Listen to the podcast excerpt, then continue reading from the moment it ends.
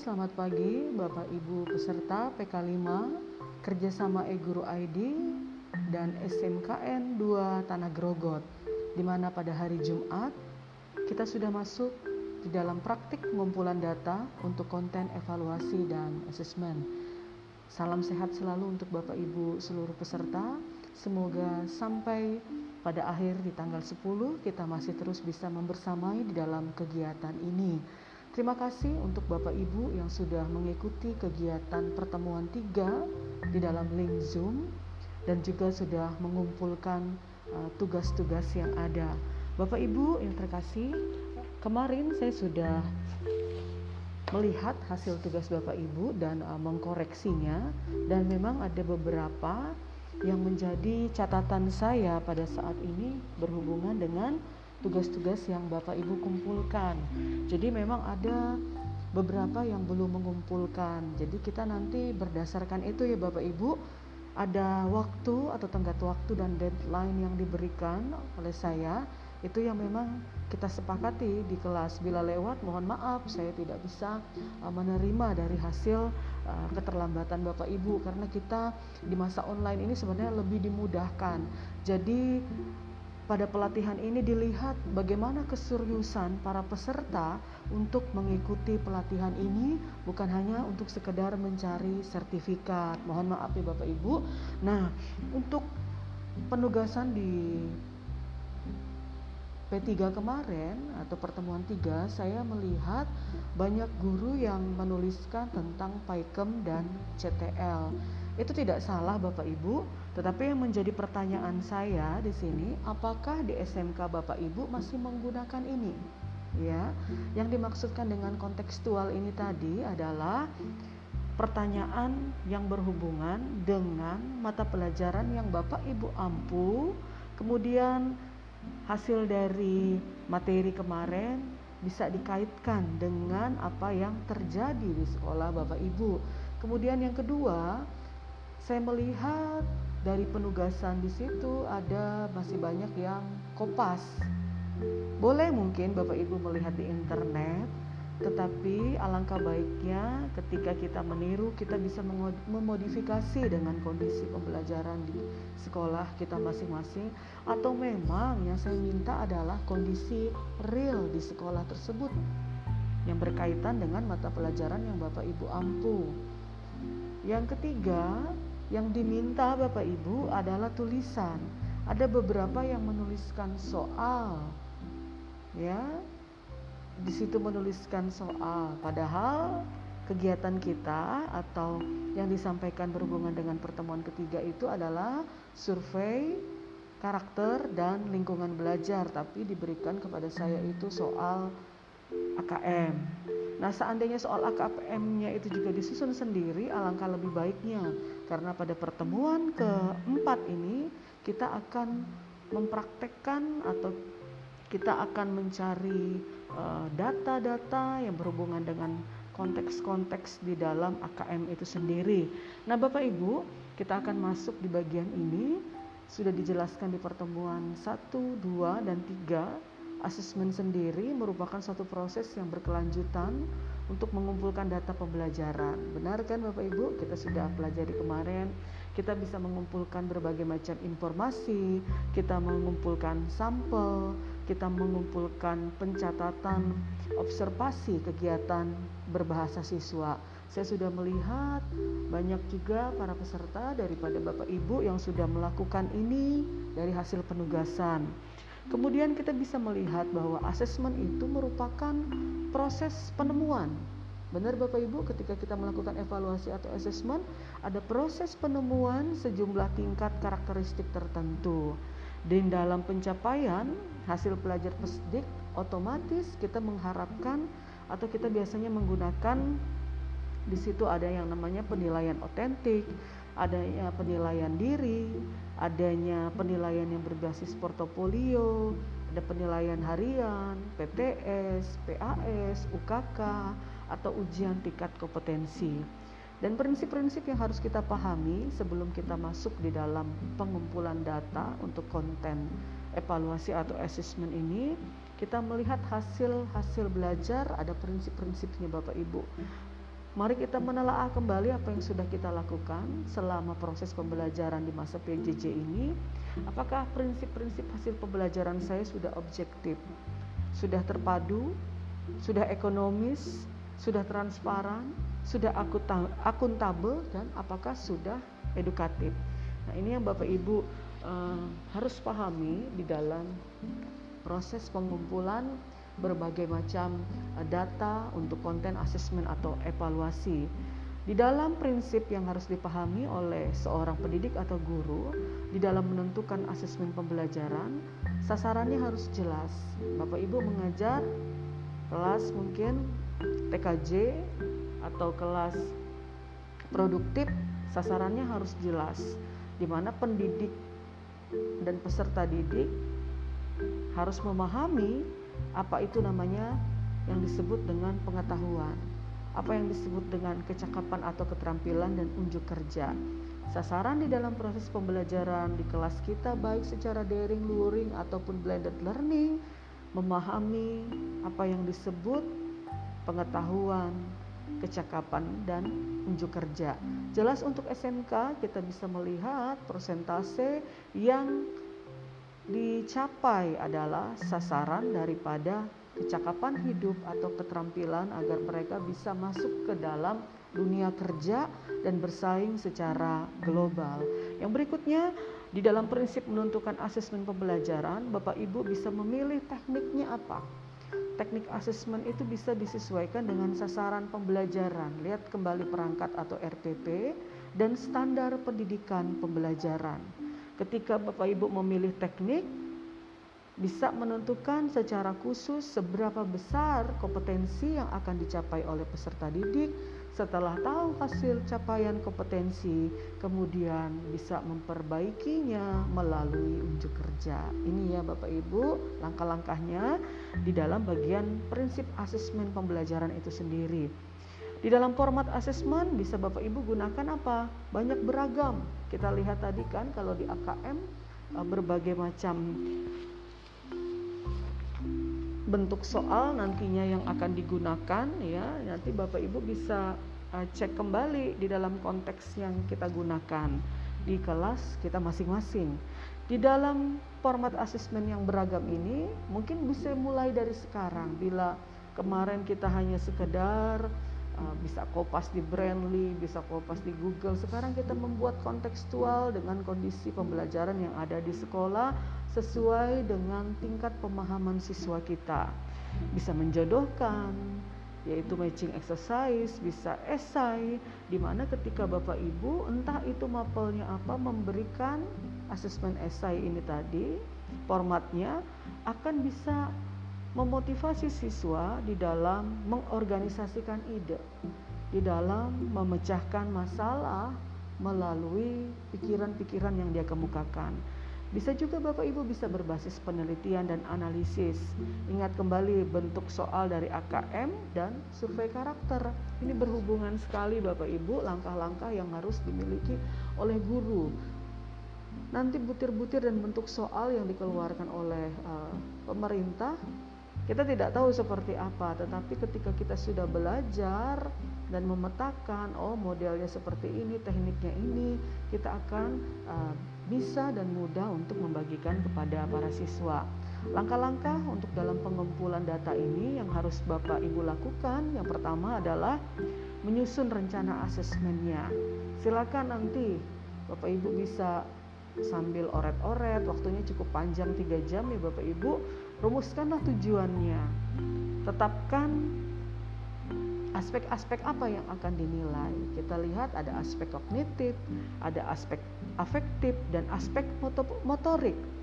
Bapak Ibu bisa memilih dan menentukan teknik yang digunakan serta bisa merancang instrumen untuk proses dan hasil belajar melalui soal tes, melalui daftar cek, melalui rating skala, melalui pedoman atau wawancara.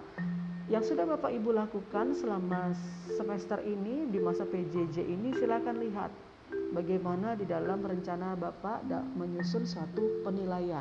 Apakah sekedar cari di buku kemudian menggaris lalu membuat pertanyaan? Nah, kita akan merubah cara dan pola itu di mana langkah-langkahnya adalah menyusun rencana terlebih dulu apa yang akan kita lakukan di dalam proses asesmen atau evaluasi. Langkah yang kedua, Bapak Ibu silakan menghimpun data. Pasti sudah saya percaya melalui tes kepada siswa atau juga melalui non-tes. Kalau masa daring begini kita tidak bisa mengamati secara langsung apa yang siswa kerjakan misalkan di unjuk kerja atau performance. Tapi bisa saja Bapak Ibu bersinergi dengan orang tua. Memang saya uh, paham yang disampaikan kemarin bahwa kondisi 50% ya setengah daripada SMK 2 Tanah Grogot peserta didiknya berada di pedalaman yang jauh ya tapi itu tidak akan menjadi masalah kepada Bapak Ibu memang kita harus terus berusaha mengupayakan strategi apa pendekatan apa sehingga proses penghimpunan data ini bisa kita lakukan. Sangat baik sekali ketika dari SMK 2 beserta guru BK, wali kelasnya datang home visit kepada para siswa. Di situ kita akan bisa melihat pengamatan terhadap siswa. Kita mewawancarai mereka dan orang tua mereka. Lalu mungkin kita pada saat itu mengeluarkan angket, bisa berupa rating skala, bisa berupa checklist bisa berupa wawancara yang bertingkat. Nah, ini yang bisa disinergikan dari guru mapel, wali kelas, guru BK agar bisa menciptakan membuat satu formula satu kesatuan apa yang akan dilakukan oleh SMK 2 dalam pengumpulan-pengumpulan data asesmen ini tadi. Yang berikutnya Bapak Ibu Langkah-langkahnya adalah mengolah dan menganalisa ketika setiap data itu sudah kita temukan. Oh maaf sebelumnya kita harus verifikasi dulu apakah ini termasuk baik atau kurang baik sehingga bisa dilanjutkan sampai kepada pengolahan dan menganalisa data. Setelah ini dilakukan langkah yang berikutnya silakan Bapak Ibu melakukan interpretasi dan menarik kesimpulan terhadap apa yang didapatkan di lapangan di dalam uh, kondisi pembelajaran di peserta didik. Ini sudah kelar, Lanjut yang terakhir adalah menginventarisasi instrumen asesmen. Ada inventarisasi instrumen yang Bapak Ibu buat, susun ya konteks uh, sekolahnya, konteks uh, mungkin di dalam kelasnya seperti apa. Itu yang Bapak Ibu bisa simpan sebagai inventaris untuk kelanjutan berikutnya. Jadi apa yang dikeluarkan itu berdasarkan konteks personal, konteks sosial budaya, konteks saintifik. Ya. Berikutnya Bapak Ibu, untuk fokus asesmen biasanya kita akan melihat di observasi ada pengamatan di mana ada berbagai kegiatan praktek dan pemecahan masalah selama proses pembelajaran, ada kegiatan lisan, ya biasanya kalau kegiatan lisan mungkin ketika mengadakan Zoom meeting, Google Meet, atau juga lewat Google Classroom dan lain sebagainya ada tanya jawab atau lewat WA group ya Bapak Ibu video call siswanya nah di situ ada tanya jawab. Kemudian nanti di dalam fokus asesmen ini juga usahakan rangsang motivasi siswa stimulus siswa untuk bisa sering melakukan kegiatan tertulis karena kita kan AKM kita berhubungan dengan literasi dan numerasi memberikan tes kepada siswa baik secara informal maupun non formal.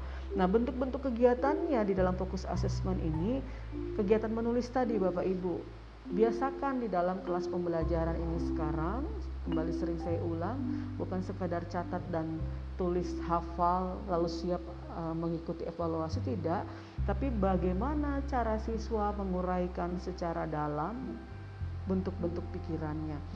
Ada kemarin di dalam penugasan, Bu, anak-anak kita susah sekali untuk membaca. Malah tidak mengerti mana pokok pikiran wacananya, ide bacaan. Nah, itu memang benar tugas kita sangat berat di bagian ini karena memang kita sangat-sangat kurang di dalam berliterasi di sini Bapak Ibu bisa petakan berdasarkan apa yang sudah saya sampaikan tadi, apa yang harus dikerjakan dan dilakukan oleh setiap guru. Di dalam kegiatan menulis tadi ya, motivasi siswa untuk bisa menulis terus, menguraikan secara dalam, bukan hanya disuruh kopas di internet, bukan uh, hanya sekedar catat dari buku lalu selesai, tapi bagaimana guru mengembangkan teknik-teknik siswa bisa menguraikan, siswa bisa melengkapi kalimat, siswa bisa menjodohkan, dia bisa punya kemampuan di dalam menggunakan huruf dan angka. Mau tidak mau memang guru harus berjerih lelah di dalam membangun menstimulus di bagian ini. Kemudian di dalam kegiatan menggambar, kita bisa melihat mungkin wah oh, itu pekerjaannya kalau di apa namanya kelas atau satuan pendidikan SMP oh itu guru SBK seni budaya atau memang ada juga ya di uh, eh, SMK di guru seni. Kegiatan menggambar benda diagram dan peta. Nah ini fungsinya buat apa? Di situ kita merangsang siswa. Mungkin memang bukan bakatnya di bagian itu tetapi itu yang harus kita uh, laksanakan itu yang harus kita kerjakan agar siswa-siswa kita paling tidak mereka punya sedikit kecil skill untuk uh, dikembangkan di dalam bagian ini. Yang berikutnya dalam kegiatan lisan dan aural. Nah, Bapak Ibu mendengarkan podcast ini kan auditorial atau aural di mana menggunakan indera pendengar. Selama ini banyak bagaimana cara membuat video pembelajaran dengan Filmora, dengan Master, tapi kadang kita lupa juga bahwa setiap siswa kita belum tentu mereka senang secara visual saja. Mungkin ada yang auditorial seperti yang saya lakukan pada pelatihan kali ini menggunakan media podcast. Bapak Ibu bisa memilihnya ya di dalam bentuk kegiatannya bisa melalui kegiatan lisankah atau kegiatan aural yang menggunakan indera pendengar pada saat ini seperti yang saya sampaikan. Yang berikutnya dalam bentuk kegiatan fisik dan unjuk kerja itu akan membuat pemahaman peserta didik kita dalam melakukan sesuatu. Ada kegiatan evaluasi dan sehingga guru mata pelajaran itu melakukan teknik-teknik, melakukan fokus ini, melakukan langkah-langkah ini akan mendapatkan profil siswa itu sendiri.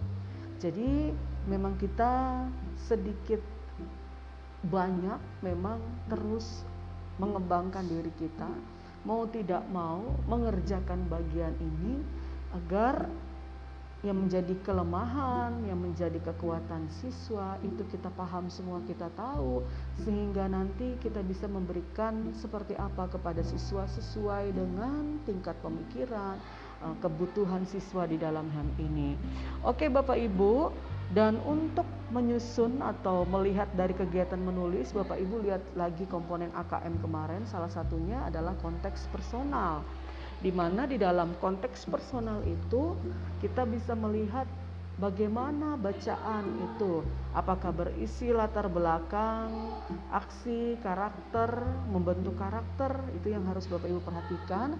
Kemudian dalam konteks sosial budaya, apakah bacaan-bacaan Bapak Ibu yang akan susun nanti dalam pengumpulan data berisi informasi yang mencerminkan kondisi dan nilai-nilai budaya. Biasanya berupa hal-hal yang tradisional, perekonomian, hal-hal khas di dalam masyarakat. Kemudian ketika pengumpulan data yang berhubungan dengan penyusunan soal AKM ini Bapak Ibu eh, berhubungan dengan kegiatan saintifik, bacaan informasinya itu akan menambahkan pengetahuan dan kecakapan ilmiah. Jadi memang mau tidak mau dalam konten atau praktek mencari konten data atau evaluasi Bapak Ibu harus memperkaya diri dengan berbagai macam bacaan-bacaan itu tadi. Secara saintifik dapat berupa ilmu antariksa, gejala alam, biologi, misalkan uh, guru agama PAI, PAK itu akan Bapak Ibu hubungkan ada stimulusnya dulu sebelum masuk ke dalam soal melalui konteks saintifik. Nah itu ya Bapak Ibu ya secara singkat saya jelaskan melalui penjelasan podcast ini mulai dari tadi uh, kita mengetahui apa itu asesmen pembelajaran, kemudian yang kedua pencapaian hasil belajar pesdik, prinsip hasil belajar pesdik sampai kepada prinsip penerapan asesmen dan langkah-langkah serta masuk kepada fokus asesmen di dalam bentuk kegiatan. Itu yang bisa kita lakukan di dalam uh, praktik pengumpulan data asesmen atau evaluasi itu. Tugas pada hari ini Silahkan Bapak Ibu peserta eh, kegiatan ini atau peserta PK5 menyusun soal literasi membaca dari komponen konteks personal, sosial budaya, saintifik yang berhubungan dengan pokok bahasan mata pelajaran yang Bapak Ibu ampu pada hari ini. Jadi hari Jumat ini Bapak Ibu masuk pada pokok bahasan pembelajaran apa di kelas Bapak Ibu? Silahkan Bapak Ibu buat soal berbasis AKM ya dengan konteks personal, sosial budaya dan saintifik. Saya berharap no kopas internet supaya kita bisa memahami benar apa yang sudah disampaikan lalu mempraktekannya. Silakan cari berbagai macam sumber personal ya yang membentuk karakter, yang menggali kemampuan berpikir kritis. Silakan cari berbagai macam konten yang berhubungan dengan sosial budaya dan saintifik yang Bapak Ibu kan dengan mata pelajaran atau yang dihubungkan dengan pokok bahasan yang Bapak Ibu berikan pada siswa pada hari ini. Terima kasih Bapak Ibu. Saya tunggu sampai jam 4 sore hasil pekerjaan pada pertemuan keempat ini di dalam PK5 dan sementara uh, selesai podcast ini dibagikan saya juga akan membagikan dalam uh, format PDF materi kita pada hari ini. Terima kasih, semangat terus membersamai di e-guru ID dalam kegiatan PK5 penyusunan instrumen AKM dan survei karakter survei lingkungan belajar di SMKN 2 Tanah Grogot. Terima kasih, salam sehat selalu buat Bapak Ibu sekalian. thank you